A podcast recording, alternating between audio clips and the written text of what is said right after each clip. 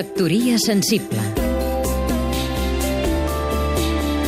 Jordi Coca, escriptor i doctor en arts escèniques. El passat mes de desembre va fer 20 anys de la mort del dramaturg anglès John Osborne. Nascut el 1929, de vida agitada i amb un gran nombre de matrimonis i de relacions personals conflictives, Osborne va assolir fama internacional al 1956 en estrenar-se l'obra teatral Mirant enrere amb Vira.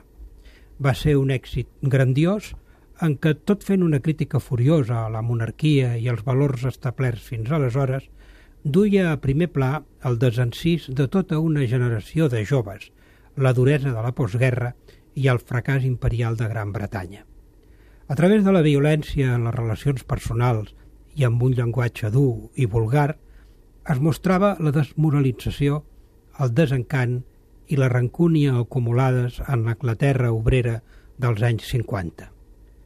Tota la carrera d'Osborne, tant al teatre com a la televisió i al cinema, va quedar marcada per aquella obra en part autobiogràfica i escrita en 15 dies.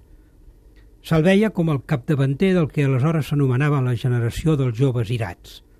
Però Osborne va escriure força més textos, com per exemple L'animador, estrenada per Lawrence Oliver al 1957, a més d'adaptacions exitoses d'Ibsen, Strindberg i guions cinematogràfics tan emblemàtics com ara La càrrega de la brigada lleugera dirigida per Tony Richardson.